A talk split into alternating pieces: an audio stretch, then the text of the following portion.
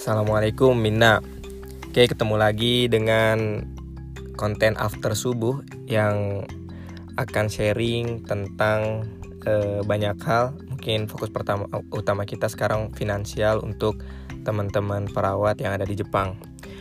Oke kali ini kita akan membahas atau sharing tentang diaspora bond jadi eh, sebelumnya di podcast sebelumnya juga sudah kita sampaikan bahwa eh, hari Kamis kemarin itu ada web webinar ya eh, dari KBRI Tokyo yang bekerja sama dengan eh, Kementerian Keuangan Republik Indonesia tentang sosialisasi atau rencana awal untuk penerbitan diaspora bond.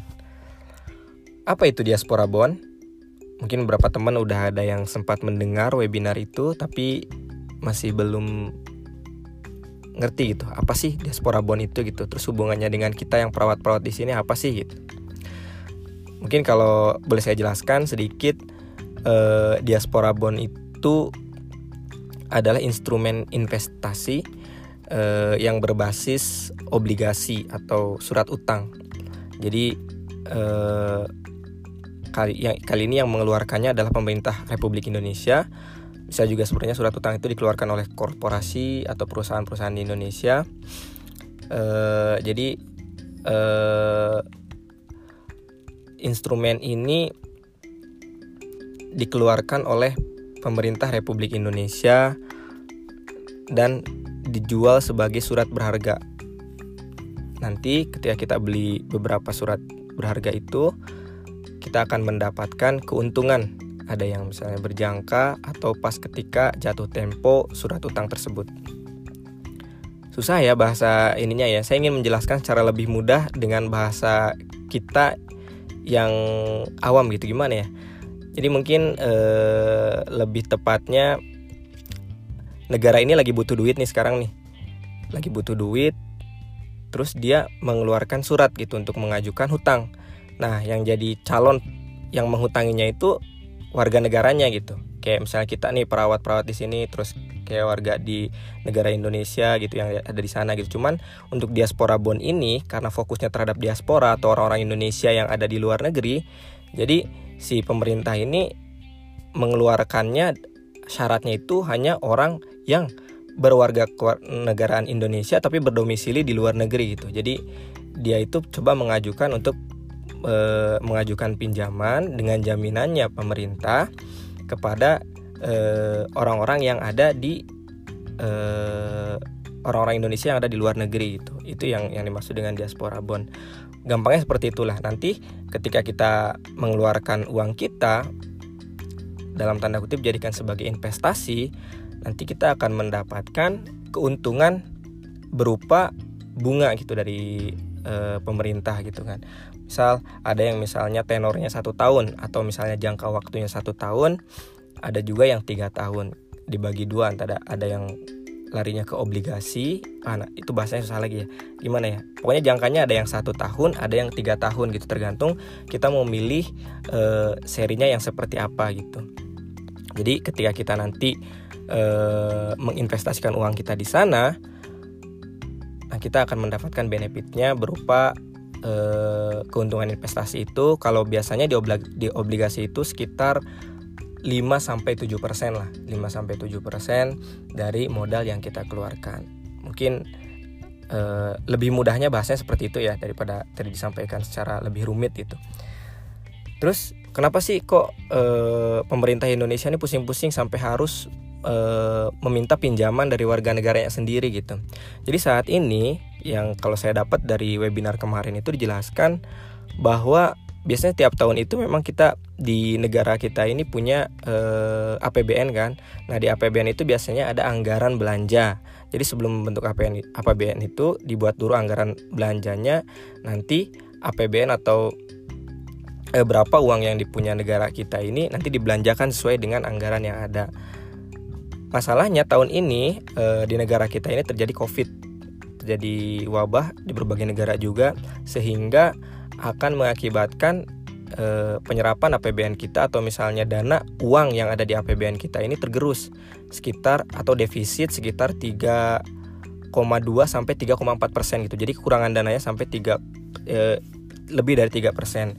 Maka dari itu pemerintah butuh e, dana segar atau masukan baru yang akan digunakan untuk e, menutup pos-pos defisit tadi gitu. Jadi e, kalau yang kemarin disampaikan oleh bagian dari pihak Kementerian Keuangan, dana yang terkumpul dari investasi tadi akan digunakan untuk menangani dampak-dampak yang terjadi akibat COVID-19 seperti misalnya kan melemahnya kekuatan ekonomi kayak misalnya orang-orang dengan kelas menengah yang misalnya punya usaha harus gulung tikar karena itu disuntikan lagi dengan modalnya atau e, sekarang ini banyak kan misalnya yang tadinya anggarannya untuk membuat e, suatu proyek negara harus dibelokkan ke untuk menangani atau untuk mengeluarkan bantuan langsung tunai untuk e, beberapa e, warga di negara kita yang terdampak Covid. Jadi uang hasil hasil pengumpulan dari e, diaspora bond ini akan nanti di, di, digunakan untuk e, menutupi defisit anggaran yang ada di negara kita. Oke, mungkin seperti itu. Terus e, langsung aja ya mungkin jadi gimana ini kita kita sebagai perawat atau kaigo yang ada di Jepang nih melihat investasi ini menarik nggak sih? Hmm.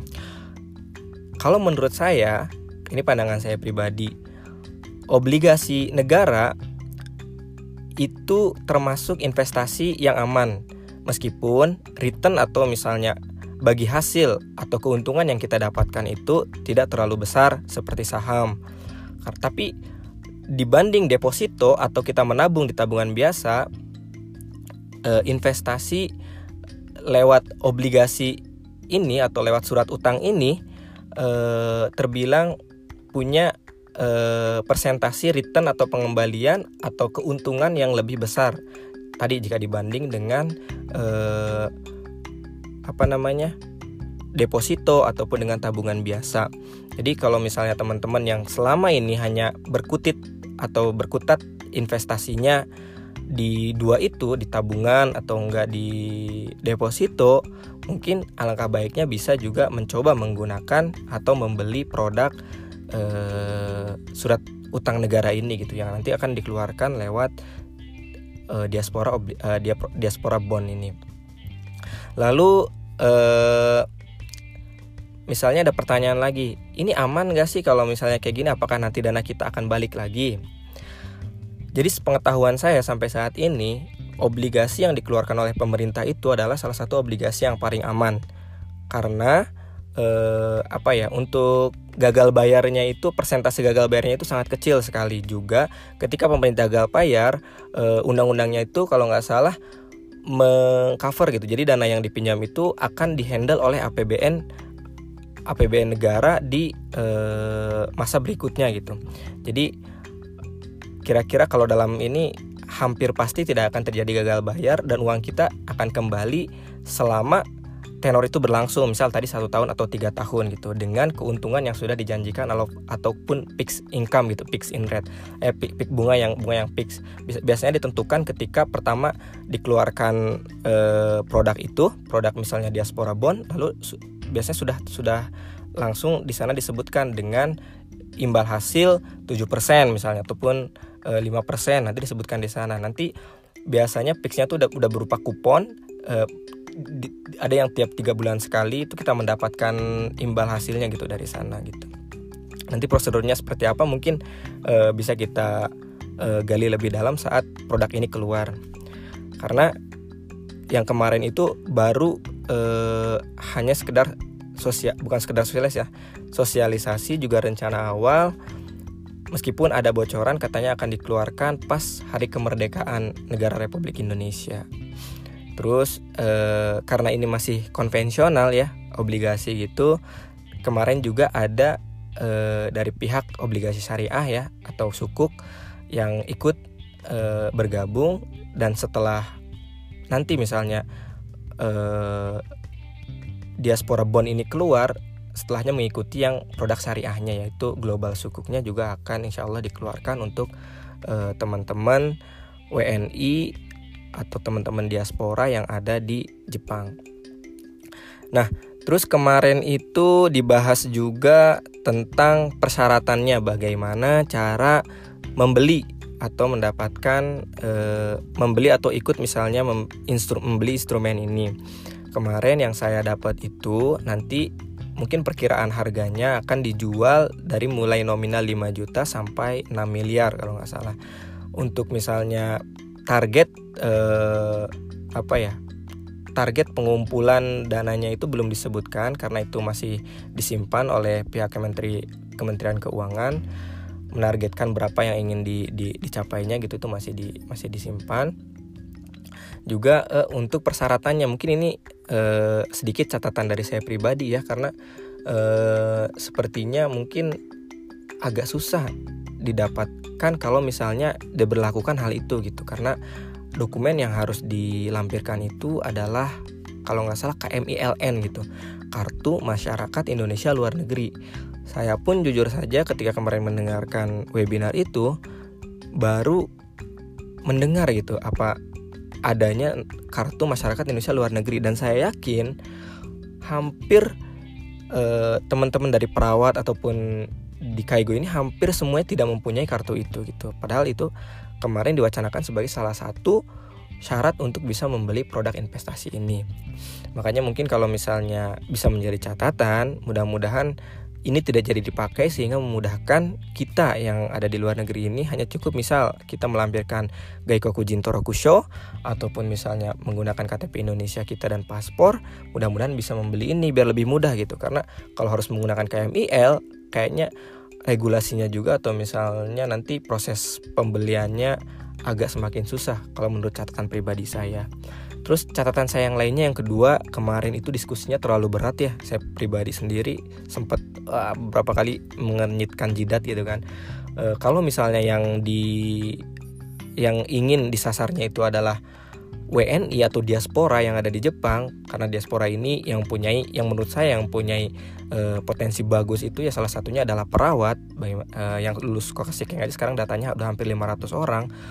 Perawat itu sudah mempunyai income yang tetap ya tiap bulannya. Dia punya bonus juga dua kali.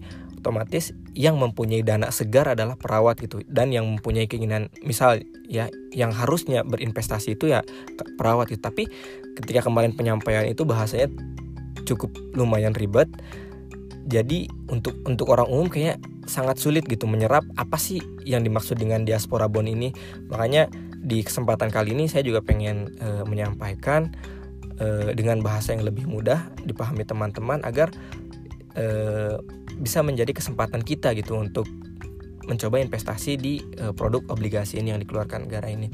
Mungkin catatannya itu kemarin juga waktunya sekitar dua jam tapi memang e, kurang fleksibel untuk ini ya untuk tanya jawab karena beberapa yang ingin bertanya juga tidak mendapatkan waktu termasuk saya pribadi juga e, kemarin tidak mendapatkan kesempatan. Terus juga ada beberapa wartawan yang uh, ikut bertanya gitu padahal dia sudah sering mengikuti seminarnya saat di Jakarta atau apa gitu. Jadi kalau menurut saya sasaran yang seharusnya disasar misalnya eh, pihak Kemenke ini ingin eh, menyasar diaspora atau misalnya investasinya untuk untuk retail gitu untuk teman-teman individu yang ada di Jepang kayaknya kalau hanya dengan webinar kemarin itu kurang nyampe kalau menurut saya pribadi gitu.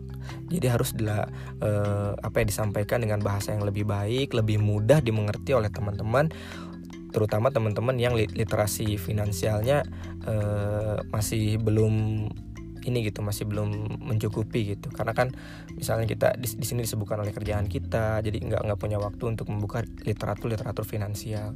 Tapi e, mudah-mudahan adanya diaspora bond ini bisa menjadi e, salah satu lah salah satu instrumen investasi yang bisa kita sebagai perawat-perawat uh, dan kaigo di Jepang ini yang bisa dipakai yang yang bisa menjadi pilihan kita untuk menginvestasikan uang kita di sana dengan imbal hasil yang lebih besar. Untuk apa? Tentu saja untuk mengumpulkan atau untuk membangun aset produktif kita agar suatu saat nanti fokus kita ketika kita selesai dari Jepang, aset kita bertumbuh dan kita tetap bisa survive di Indonesia. Mungkin itu saja yang bisa saya sampaikan hari ini. Mudah-mudahan eh, di lain waktu bisa di-share lagi update-update terbarunya misalnya ketika sudah launchingnya Diaspora Bond atau misalnya syarat lengkapnya sudah ada atau e, prosedur bagaimana cara pembeliannya mungkin nanti bisa e, saya share lagi. Tetap e, pantengin terus podcast After Subuh di podcastnya Putri Ayah juga di podcastnya Ikro Japan. Juga mungkin nanti kalau misalnya kita berkesempatan bisa sharing session lagi di IGTV ya silahkan bisa di follow IG saya di @widi underscore ms atau di nanti juga uh, insya Allah kita akan ada sesi-sesi lain uh, utamanya khususnya tentang investasi ataupun tentang pengaturan keuangan ataupun tentang bicara tentang finansial khususnya untuk teman-teman perawat dan teman-teman kaigo yang ada di Jepang. Next mungkin rencananya kita akan uh, ngobrol lagi dengan beberapa orang perawat yang memang sudah sudah sudah mencoba mengatur keuangannya dan sudah bermulai mulai investasi gitu. Jadi mudah-mudahan semangat ini bisa sampai ke semua teman-teman yang ada di Jepang sehingga adanya teman-teman di atau bekerjanya teman-teman di Jepang ini bisa menjadi kesempatan teman-teman untuk bisa mempersiapkan masa depan teman-teman yang lebih baik utamanya setelah teman-teman selesai bekerja di Jepang. Baik itu mungkin dalam waktu lima tahun atau 10 tahun ataupun 15 tahun gitu. Jadi eh, mudah-mudahan ini bermanfaat dan bisa menjadi trigger awal buat teman-teman ya mencari atau lebih aware tentang kondisi finansial teman-teman. Karena sekali lagi yang saya tekankan saat ini teman-teman ada di kondisi yang baik menurut saya karena berpenghasilan yang lumayan tinggi di Jepang ini. Jadi eh, bisa kita gunakan untuk alokasi investasi itu lebih besar. Oke, mungkin itu saja yang bisa sampaikan pada kesempatan kali ini. Terima kasih perhatiannya. Sampai ketemu lagi di podcast selanjutnya. Sukses bersama. Assalamualaikum minna.